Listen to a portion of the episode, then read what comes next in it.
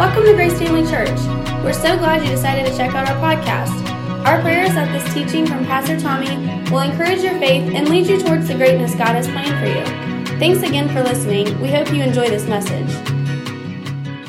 This being Palm Sunday, and, and, I, and I said this at the beginning of the service, um, you know, uh, I've been a believer pretty much my entire life.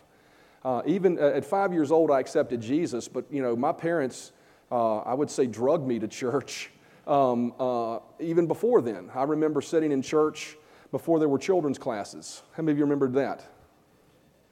I remember sitting next to my mom and getting the back of my arm pinched because I was being too loud, and boy, that really hurts. I still remember today the pain of that. and I remember her in my ear, her hot breath going, You better be quiet. When you get home, you're going to get it, you know.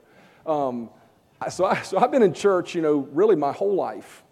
Um, but, but and, and, it's interesting to me that my entire life, you know, I've, i remember Palm Sunday. I remember, you know, Sunday school classes of pictures of people laying palms on the ground as Jesus entered Jerusalem. But it never stood out to me like it did this week.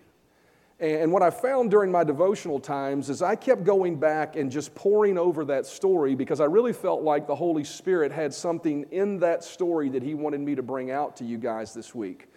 You know, some interesting things I found as I read that. Number one, one of the interesting things I found was that, you know, the, the story of Jesus' triumphant entry into Jerusalem, what we, where we derive, you know, Palm Sunday, um, it is in all four accounts of the Gospels you know, as you read the Gospels, you'll see that there are some stories that are only in one or two or maybe three, and some are in four.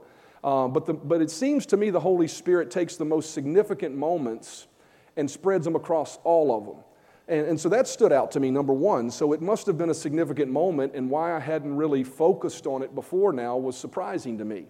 Uh, but as I began to look into it, there were things that stood out to me. Um, that, that just seemed like, as I was reading those, especially the account of Mark's account of it, as I was reading there in Mark chapter 11 and Jesus' entry into Jerusalem, there were certain phrases that just sort of lifted off the page to me. And so I will tell you, as I share today's message with you, this probably won't be the most homiletically correct message. If you're a person that takes notes and looks for outlines, this is probably not going to be one of those.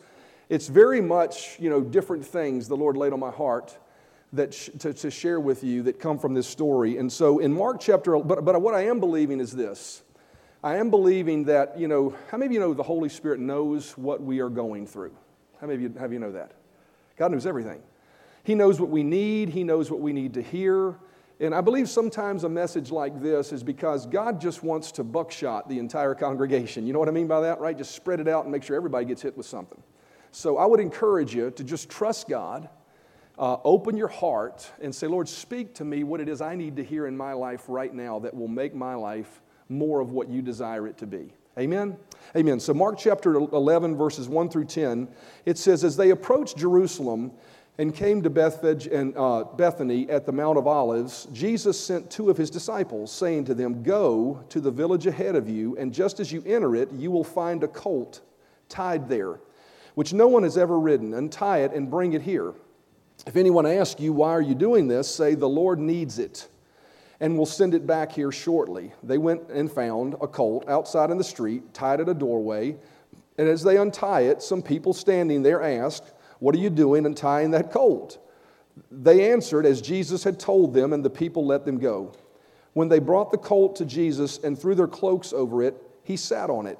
Many people spread their cloaks on the road, while others spread branches they had cut in the fields. Those who went ahead and those who followed shouted, Hosanna! Blessed is he who comes in the name of the Lord. Blessed is the coming kingdom of our father David. Hosanna in the highest. Let's pray before we get started. Father, thank you so much for your word. Thank you so much that you love us. And I just ask for your help today, your assistance. I recognize that I can't do uh, what needs to be done in the lives of each person here without your help. Uh, I'm just a man, but you know us. You know the inner dealings of our heart. You know the secret things that no one else knows and that you don't desire to expose, to embarrass, or anything like that. You just know. And because of that, Father, you have ways of speaking to us that no man can. And so I ask you to help me, anoint me, make my tongue as a pen in your hands, that I may write upon our hearts, that we may hear truth that makes our lives better. that glorifies Jesus, that lifts him up and lets us know who he really is to us. I give you praise and thanks for that in Jesus' name. Amen. Now, as I said, as I was reading through this account, there were several things that stood off the page to me, and I'm just going to tackle these one at a time. And I believe that as I looked into what those things, as, you know, they'll, they'll leapt off the page. I was like, okay, what are you trying to say, Lord? And there was a certain message he conveyed to me. I'm going to share those with you. And the first thing that stood out to me was in verse 2 of that, uh, that chapter, where, you know, they were, they came to, you know, they're at the Mount of Olives, and Jesus says, you know, we need to go into Jerusalem, Passover's coming. Um, I want you to go into the city, and when you go, you will find something there. And, and what stood out to me in, in that, that particular part of the story was that Jesus said the words, Go, and you will find. And you know, and, and what I find by that is I looked into that and thought about that and meditated on that and said, Lord, what is it that you want us to hear this morning from that simple phrase, go and you will find? I think what, I, I think what the Lord was really speaking to me was this that there are going to be times in our lives where we are uh, facing a question, we're facing um, a, a, a, a, decision. Maybe we're looking at what we want to do with our lives, or maybe we're looking at, you know, just a promise of God that we know He's promised to us, and we're going to be challenged by Him. And what we're going to be challenged to do is to actually go. Everybody say, go. We're going to be challenged by Him to do something, even though the result of what we're doing may not yet be seen where the outcome without a promise from God is questionable. You, know what I mean by that, right? You know, like, well, uh, if I do this, I wonder if it'll be successful. I wonder if I'll fail or I wonder if I'll succeed. But, but Jesus, what he said to these folks was, he says, is if you go, you're going to find something there. So what the, and what he told them, they're going to find a colt, right? But how many of you know the first step that they took, they didn't see the colt yet? How many of you realize that? Probably the second step they took, they didn't see the colt yet. Matter of fact, I really wonder, you know, think about the dilemma they were in as they started going. Well, which way do we go? Remember the old commercial, Where do we go? Which way do we go? You know, remember that one? That was an old cartoon, an old Looney Tunes cartoon. But anyway, it's a, moment in the mind of your pastor. Um, but anyway, I mean, I think about that. They were like, well, where do we go? What do we do? We just go, right? And so there are going to be times where God is going to challenge you to head in a certain direction, to do something where you do not know exactly how what He's promised you is going to come to pass, but He said it's going to happen. I've said this many times. He often shows you the end of the matter at the beginning, but doesn't show you any of the steps in between. And there are going to be times in our life, and maybe you're there that, this morning, maybe you're facing a situation like that where God is challenging you to do something, and you must recognize that that is the way that many times God will lead us. He will lead us to go, not knowing where the next step will get us to the end result, but knowing if we just begin moving, if we just begin stepping, there's a promise that we will find. Matter of fact, 2 Corinthians chapter 5 and verse 7 says, For we walk by faith not by sight. Now, what does that mean? What that means is this: is you know, if, if it's different. How many of you know there's a difference in walking by knowledge and walking by faith?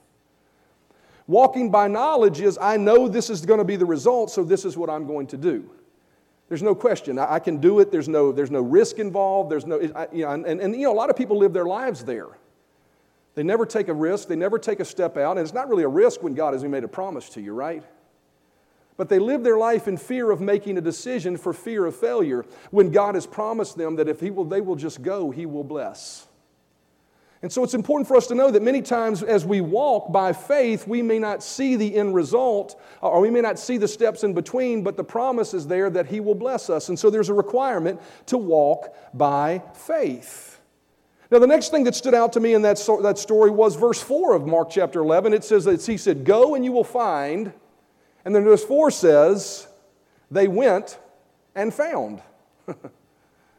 so not only did he tell you to go, and, and, and, and how many of you realize when he tells you to go uh, and, and you don't know where the result is, how many of you realize it's not a blind step of faith? How many of you know there's a difference in a blind step of faith and a real step of faith?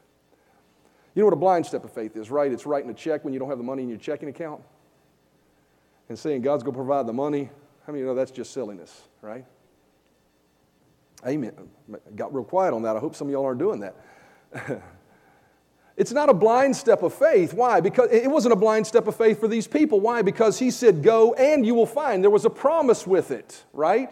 There was a promise that if you'll do what I said to do, then I will bless you. And that's what faith is. It's stepping out saying, okay, I'm not sure exactly how I'm going to get there. I don't know all the steps in between. And you know what? In my own mind, the question is whether I'll be successful or not. I don't even know if I'll be successful. But I'm going to have the courage to put my faith in His promise that said, if I go, you will find. And the verse 4 goes on to tell us, then they found. What did they find? They found what He had promised. And what that tells me this morning is that God is faithful. Everybody say, God is faithful. God is faithful. He can be counted on. If He tells you to do something and He tells you to move towards it, and your heart is leading you toward it, and your conviction is drawing you towards it, not that you're being pushed or I got to do, but it's something on the inside of you that says, God has promised me this. I sense it. I need to move towards it. Then, if He's promised you that, He is faithful that He will honor what He said He would do for you. You know, I think it's interesting. So many times in our life, we look at the, uh, the outcomes of our life as suspect or whether we'll be successful or not. And I think many times we do that because we have not found a promise upon which we can sink our faith. But if you have a promise about your future, let's just bring it down to real life. Even something as simple as your bills being Him meeting all your needs according to His riches and glory. How many of you know if you have that promise from Him, then you can count on it? Can I get an amen? See, the Bible tells us in Numbers chapter 23 and verse 19 God is not a man that he should lie, nor the Son of Man that he should repent. Has he said it and he, and he will not do it? That's a rhetorical question.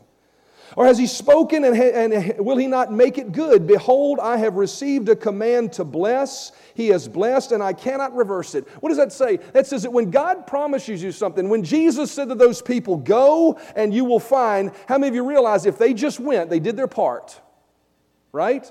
And they continued to do their part, he has an obligation to do that or he would be lying. Amen? And so when God tells you that He will take care of you, He'll bless you, maybe He's given you a promise about your life, maybe it's a, a future, a destiny, a hope that you have, and you, put, you, you found a promise that assures you of that, and you're trusting in that, God is faithful to perform it. I can promise you that. We need to understand that when it comes to the promises of God, if we have not experienced that promise, it is very simply for a couple of reasons. It's either because life is delaying that answer. Everybody say life. Let me realize you got to deal with life. Right? Sometimes you got to deal with people. Amen. Life sometimes delays the answer in coming, but it doesn't mean that God's not honoring His word. I've always said it this way God is behind the scenes doing what you can't see to bring it to pass. He's never not working behind the scenes on behalf of a person that's putting their trust in Him for a promise that He has given to come to pass. He is faithful. One of the other reasons, many times, when we don't see our answers, it may be just a disconnect on our own part. How many of you realize we're imperfect? I can promise you this. People say, Well, I know where somebody believed that and it didn't happen. I can promise you this it's not because God withheld it, and it's not because God didn't want to give it. It's because in our humanity, sometimes we just miss it, right? But you know the beautiful thing? You say, well, what if I miss it? What if I go out and I do this and I fail and I miss it? I mean, You know the beautiful thing about missing it is God won't leave you hanging. Remember, God told Peter, Jesus, he told Peter, step out on the water. Jesus, uh, Peter said, if it's you, Lord, then tell me to come. Have you ever been there before in your life? God, if it's you, then I'll do it, but just give me some assurance it's you. And what did Jesus say to Peter? He said, Well, Peter, your faith ain't quite there yet, so you better not step out. No, he said, Come. And the Bible tells us that Peter stepped out on the water and he walked a few steps. But guess what happened? His humanity kicked in and he had a disconnect, and what happened? He sunk. But you know the beautiful thing about Jesus, he didn't stand there and say, Well, you know, you disconnected and so you failed and so I'm going to leave you out there to dry. No, he reached down, grabbed his hand, picked him up, and walked with him back to the boat. Right?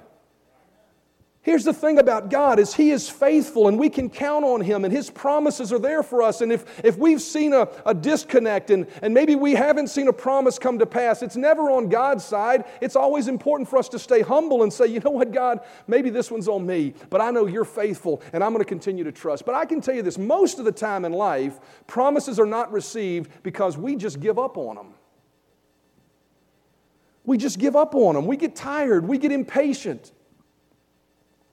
Life has a way of beating on us sometimes when we're believing for a promise. Have, have you ever got one, you know, something, maybe it's a pursuit in your life, maybe it's a promise God has given you, and your eyes were open to it, and you're excited about it in that moment. But over time, it's taken time for that to come to pass, and it hasn't happened like you thought it would, and you've had disappointments, and you've had your own personal failures, and you've fallen short of that promise. excuse me. excuse me. How many of you ever been there before? And when that happens, what winds up happening many times in our life is it beats on our enthusiasm and our passion. We become discouraged. We become less passionate about it to the point at some point we become so dispassionate about it that we're willing to let it go. but the scripture tells us not to do that. It says in Hebrews chapter 6, it says, So don't allow your hearts to grow dull, dull or lose enthusiasm. But follow the example of those who fully received what God has promised because of their strong faith and patient endurance. You know, patient endurance, as I think about just that phrase, I think about it like drudgery, right? I'm just patiently enduring. But he says, don't lose your enthusiasm. Patient endurance is not drudging through, it's not sucking it up because it hurts so bad and I'm just going to hang on. You know, it's, it's an enthusiasm that says, no, I'm not going to be any less enthusiastic than the day He gave me the command. I'm going to pursue it with all of my heart. I'm going to stay passionate with all of my heart. Why? Because God is faithful. I will tell you something. If you haven't seen your promise yet, you just haven't gone far enough yet. Just keep going. Everybody say, just keep going. Just keep walking forward. Just keep taking steps because I can promise you, as you keep taking those steps, somewhere down the line is that new colt that he promised you. Somewhere down the line is that donkey that, that he said is out there for you. Amen. And then verse 2 and 3 was really interesting to me as I was reading through Mark chapter 11, verse 2 and 3. Because remember, he says, He said, Go, you'll find it. It said, When you find it, what did he say to do? He didn't say ask for it, he said just untie it and take it. untie it, for the Lord needs it. You know, I got to tell you, I struggled with that as I read that. Because to me, that just seemed rude. Right? It seemed presumptuous. I mean, think about it for a minute. You're sitting on your front porch, enjoying the view from your front porch, all of a sudden, somebody, somebody walks up into your driveway, hops in your car, turns it on, and starts backing it down the street. Right? Because that's what he told them to do. So they're backing it down the street, and he says, and when they, and, and you, why? What he said, well, they're going to say, what are you doing, right? I can imagine they would. Somebody doing that to me, I'm going to be running down the car. Hey, what are you doing in my car? Right? And he said, just tell them the Lord needs it. Now, the interesting thing is, in this, this case, I mean, I, I, want you to, how many realize these are real people? This is not a make believe story. This was somebody's donkey and new colt. And all of a sudden, somebody walks up and unties this person's donkey and new colt and starts walking off with it. You better believe the human emotion was, What in the world do you think you're doing? Right? And they just looked back and said, The Lord needs it, and He'll bring it back. Now, I got to tell you, if somebody said that to me, I'd say, Well, tell the Lord to go get you another car because you ain't driving mine. You want to know why? Because in that moment, most likely, God hadn't prepared my heart to say yes. But here's the thing that struck me about this He told them to go, and you will find. Take, and say the Lord needs it. And what really struck me about that is, is, is, simply this is that as you go to pursue what it is God has called you to do, never apologize for asking someone to say yes to Jesus. These guys didn't ask for an apology, they just said Jesus needs it. And what that tells me is this there will be people in your life who God has prepared their heart to say yes to you. God has prepared their heart to say yes to an interview you may have for a job you're believing for. God has prepared their heart to say yes to a financial need that you need as you put a project in front of them. God has prepared their heart to, to join alongside for you, uh, of you for a gap that you have that you need to be filled. You know, I was thinking about this as a church.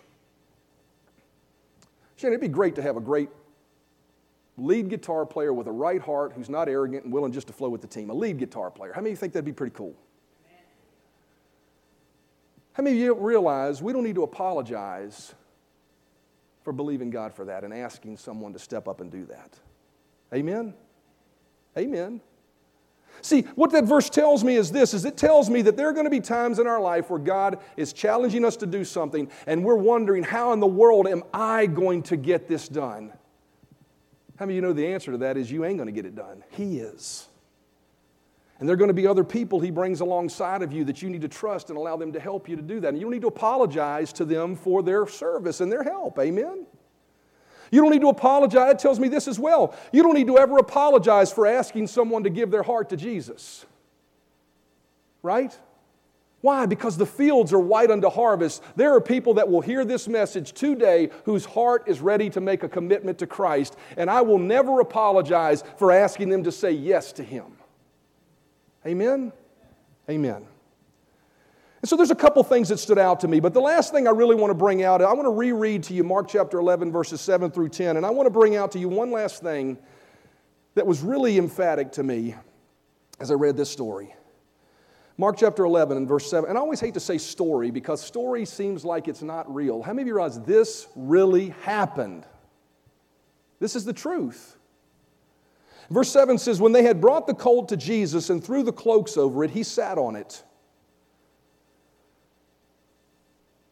You know, have you ever ridden a horse or been around somebody that rode a horse? You know the smell, right, of it? it has a certain scent to it. Want you just picture that. Jesus sat on that colt. Many people spread their cloaks on the road, and others spread branches they had cut in the fields. And those who went ahead and those who uh, followed shouted, Hosanna. Everybody say, Hosanna. Blessed is he who comes in the name of the Lord. Blessed is the coming kingdom of our father David. Hosanna in the highest heaven. And reading this, the declaration of these people stood out to me, and specifically the word stood out to me Hosanna. You know, there used to be an old, uh, if, you, if you were around in the 80s, you remember um, Integrity Hosanna's Worship. Remember that came out? It was pu- published, you know, you, you could subscribe to the club and you'd get a cassette tape of a different worship service all the time. How many of you know what a cassette tape is? I know you know what it is because you watch Guardians of Galaxy with me. that's right, that's right. Um, but you know, um, where was I going with that? Yeah. So there was a song on one of those that was Hosanna. Blessed is he who comes in the name of the Lord. Hosanna, Hosanna, Hosanna. Remember, remember that song? Ron Kenoly did it. If you know who Ron Kenoly is, and that's not the name of an Italian dessert, that was a worship leader. That...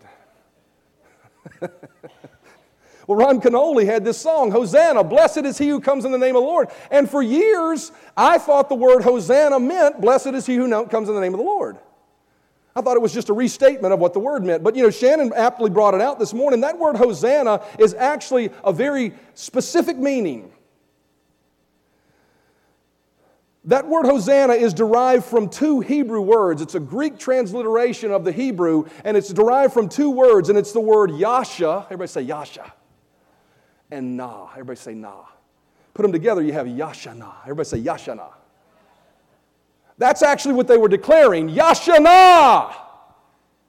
As he was entering into Jerusalem. And that word Yashana means save us, Yasha, na, now. Their declaration was save us now, he who comes in the name of the Lord.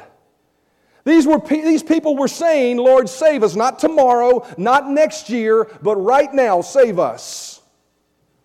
Now, here's the thing that stood out to me, and I'm going to get to a point by the end of this.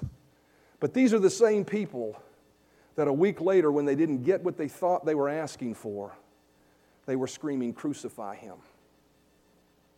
Give us the thief instead of this person. Why did they turn? One week declaring his praises, the next week saying, Crucify him. I'll tell you one point to learn from that is, is just don't be one of those people. Look at James and say, Don't be one of those people. We ought to get bumper stickers. Grace Family Church, don't be one of those people. what do I mean by that? The person that'll come in singing your praises, and a week later, or a month later, or a year later, all of a sudden you're the devil itself reincarnated. Right? Don't be one of those people. Right? Love people, care about them, handle it like Jesus did. Because when they turned on him, what did he do? He just said, Father, forgive them. Father, forgive them. Right? But what do we learn from that? You know, why did they turn from him? I'm going to tell you why they turned from him. They turned from him because they were calling out to the wrong person. In their mind, they saw Jesus as something different than who he really was.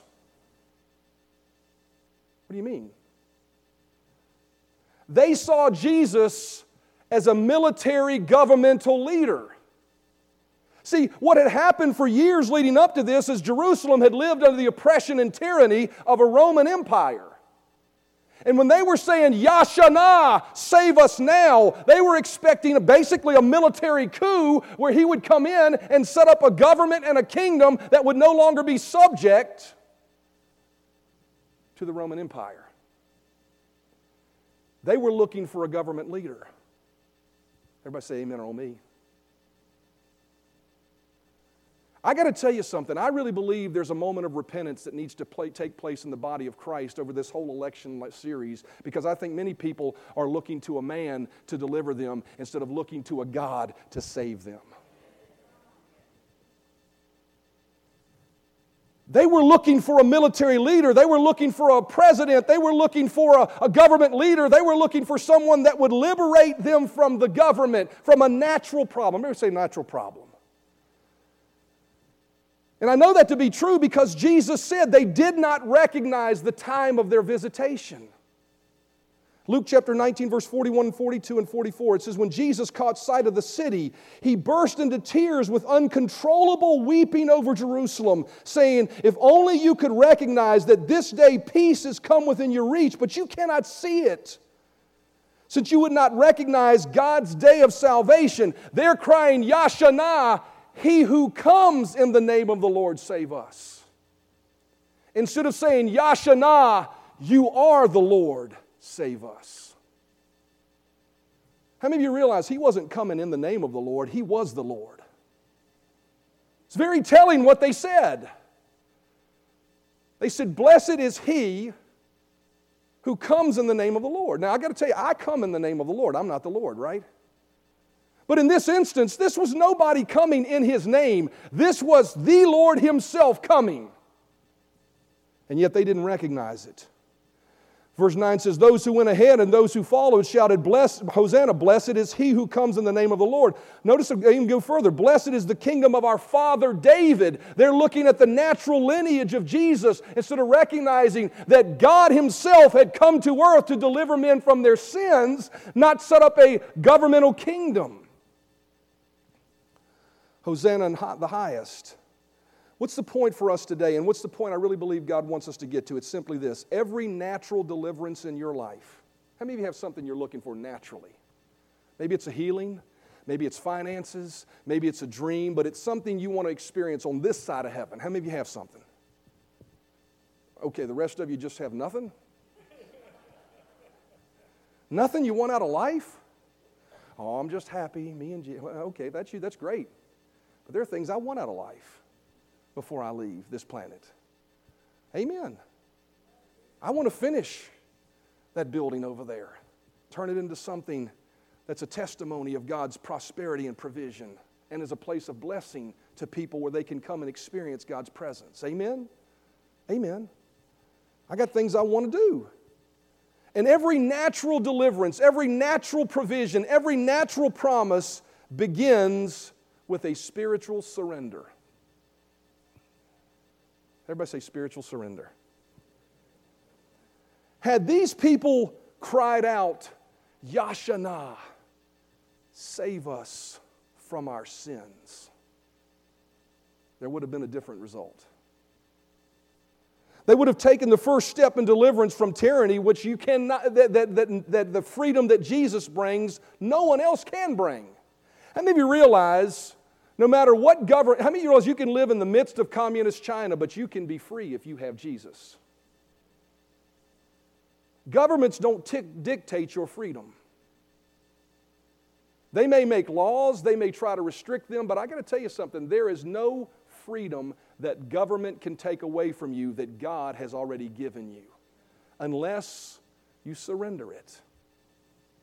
And what that verse tells me is that, that these people, had they come with a heart of surrender to who Jesus was, instead of coming looking for him to do something for them, the result would have been different. See, what I think was the problem with this whole Palm Sunday and this triumphant entry, although it was a monumental moment, it had to be monumental because every writer of the gospel recorded it. It had to be pretty emphatic. Think about it. Coming, I mean, this really happened. Riding through the streets of Jerusalem, and these guys' hopes and dreams were that, you know, we're following a guy who's going to establish God's kingdom. And the streets are lined with people saying, Yashana, save us now. But they were thinking about something natural instead of thinking about surrendering to Him as the Messiah. See, when we surrender to Him, there's a freedom we find that is greater than the individual problem we're facing. And Lord, help me get this point across. John chapter 8 and verse 34 to 36, Jesus said, I speak eternal truth. Jesus said, When you sin, you are never free. See, they could have been freed from the Roman Empire, but they'd have never been free from their own selves, their own mistakes, their own failures, their own limitations. But if the Son sets you free, you are free indeed.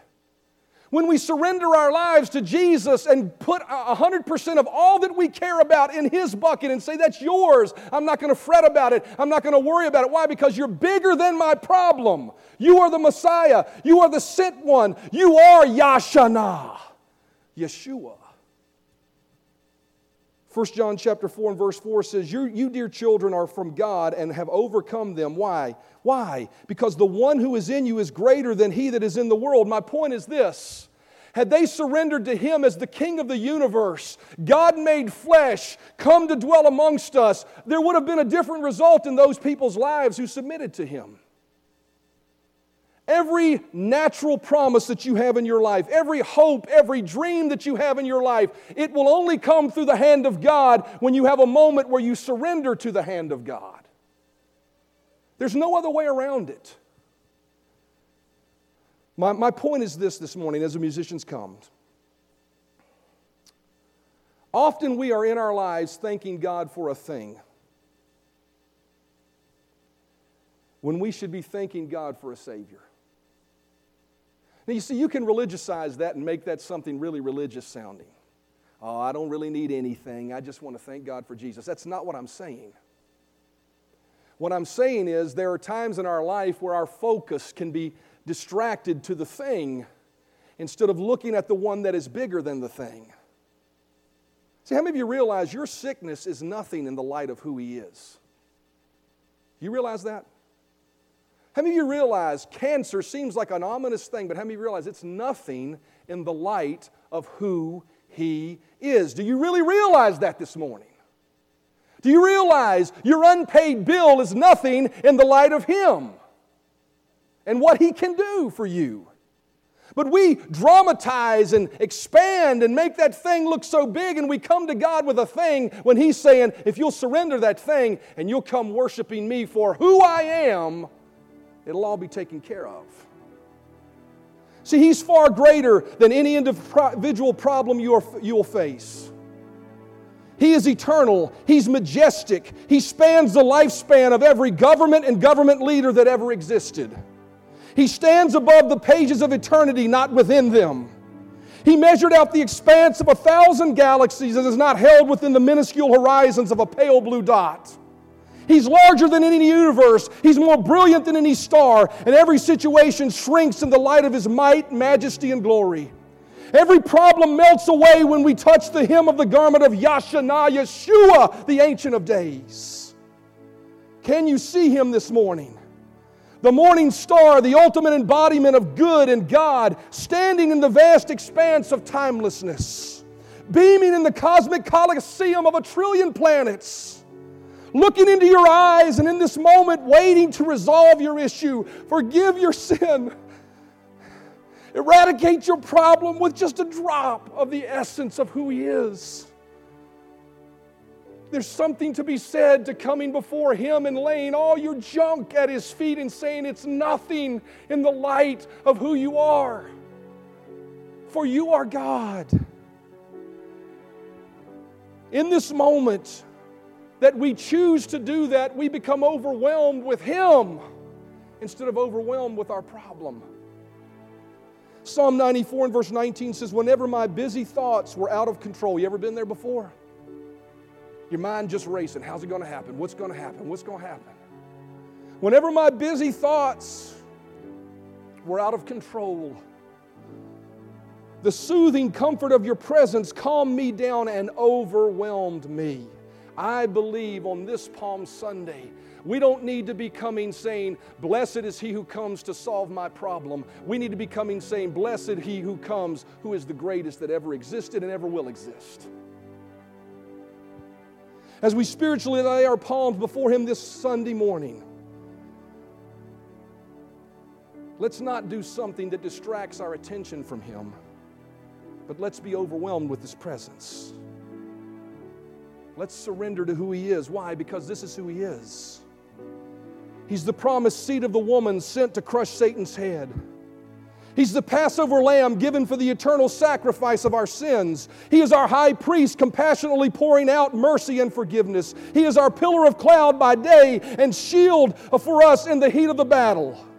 He's a pillar of fire by night to light up even the darkest moments of our lives. He's our kinsman redeemer, setting us free from our sins and our failures. He is our trusted prophet whose word never fails us. He is our reigning king whose kingdom will never end. He is our rebuilder of the broken down walls of our life. He is our good shepherd and our protector. He is the wisdom and the lover of our souls. He is our prince of peace. He is our weeping prophet for those who have not yet met him. He is the fourth man in life's fiery furnace. He's the faithful husband, forever married to the backslider. He's the baptizer with the Holy Ghost and fire. He is our burden bearer. He is our mighty to save. He is our good news messenger. He is our avenger and restorer. He is our reviver of hopes and dreams. He is our Savior. He is the Sun of righteousness, rising with healing in his wings. He is our Messiah, waymaker, and wonder worker. He's the Son of man and yet 100% the Son of God. He is our justifier. He is our sanctifier. He is our redeemer from the curse of the law. He is our God of unsearchable riches riches, who supplies all of our needs. He is our soon coming King. He is our mediator, forever bridging the gap between me and God. He is our faithful pastor. He is our friend that sticks closer than a brother. He is the blood of the everlasting covenant. He is our great physician. He is the chief shepherd with a crown of unfading glory. He is love eternal that never fades away. He is the coming Lord with 10,000 of his saints. He's the King of kings. He's the Lord of lords. He's Abel's sacrifice, Noah's rainbow, Abraham's ram, Isaac's wells, Jacob's scepter, Moses' rod, Joshua's sun and moon, Elijah's mantle, Elisha's staff. He is Samson's strength, Daniel's vision, Peter's shadow, Stephen's signs and wonders. He's Paul's handkerchiefs. He's John's revelation. He is father to the orphan, wisdom, husband to the widow, comforter to the grieving mothers. To those in darkness, He's the bright and morning star. To those who walk in dry and barren places, He's the lily of the valley, the rose of Sharon, and water from the rock. He's the brightness of God's glory, the express image of God's person, and the King of glory. He's our pearl of great price. He's our overflowing cup and our rod and staff that comforts. He is Jesus of Nazareth, the risen Lord and the lover of our lives. As we cry out, Yashanah, let us not say, Blessed he who comes in the name of the Lord. Let us say, Yashanah Yeshua. Yeshua is the word for Jesus, it is the embodiment of who He sent. Let us cry out on this Palm Sunday Yashana, Yeshua, you are everything to me, and everything in my life pales in comparison to who you are. Mark chapter 11 and verse 9 says, Hosanna. Mark chapter 11, verse 9 says, Hosanna, Yashana. They ended it right. Hosanna in the highest heavens, because that's who He is. He stands bigger than your problem. Let who He is overwhelm you this day. And as you are overwhelmed by His presence, as we take a moment to worship Him, the things that you think you need will grow strangely dim. And His power and presence will overwhelm that situation and bring what you need. I want you to stand to your feet with me right now, every head bowed, every eye closed, before we sing. Maybe you're here this morning and you heard what I said. Every deliverance comes with a surrender first. Maybe you need to surrender your life to Jesus.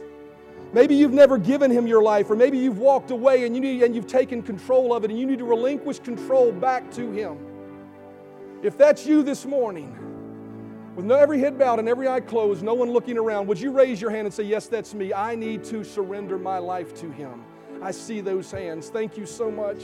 Thank you so much. Thank you so much for giving your life to Him. He is your answer. No thing is your answer. If you raised your hand this morning and you said that and meant that, I'm going to ask you to pray a simple prayer with me. I'm going to ask each one of you here to say this prayer along with them. Just say this with me. Say, Lord Jesus, I give you my life. I lay it before you. Nothing else matters except my surrender to you. I receive your forgiveness. Thank you that right now I'm forgiven and I'm a child of God. In Jesus' name. If you prayed that prayer, please, please let someone know before you leave today. Come tell me before you exit. I've got information I want to give to you if you've never done that before that'll help you. But I want you to think about those words and all those things I said that He is. He is every one of those and then some. A thousand words could never describe who He is. And in the many ages to come, He will continue to reveal Himself in new and powerful ways to us. But I want to encourage you just for a moment to stand before Him. See Him standing outside of the pages of time, but upon them. This is who you worship. This is who you cry Yashana to. He is able to save. Let's worship Him this morning. Thank you, Lord Jesus. Let's worship together. Thanks for listening to our Grace Family Church podcast. We hope you enjoyed this message. If this ministry has blessed you in any way, we would love for you to get connected. Just go to gfcva.info for more information about who we are, how to give to this ministry, or how you can get involved. Thanks again for listening, and we hope to see you soon.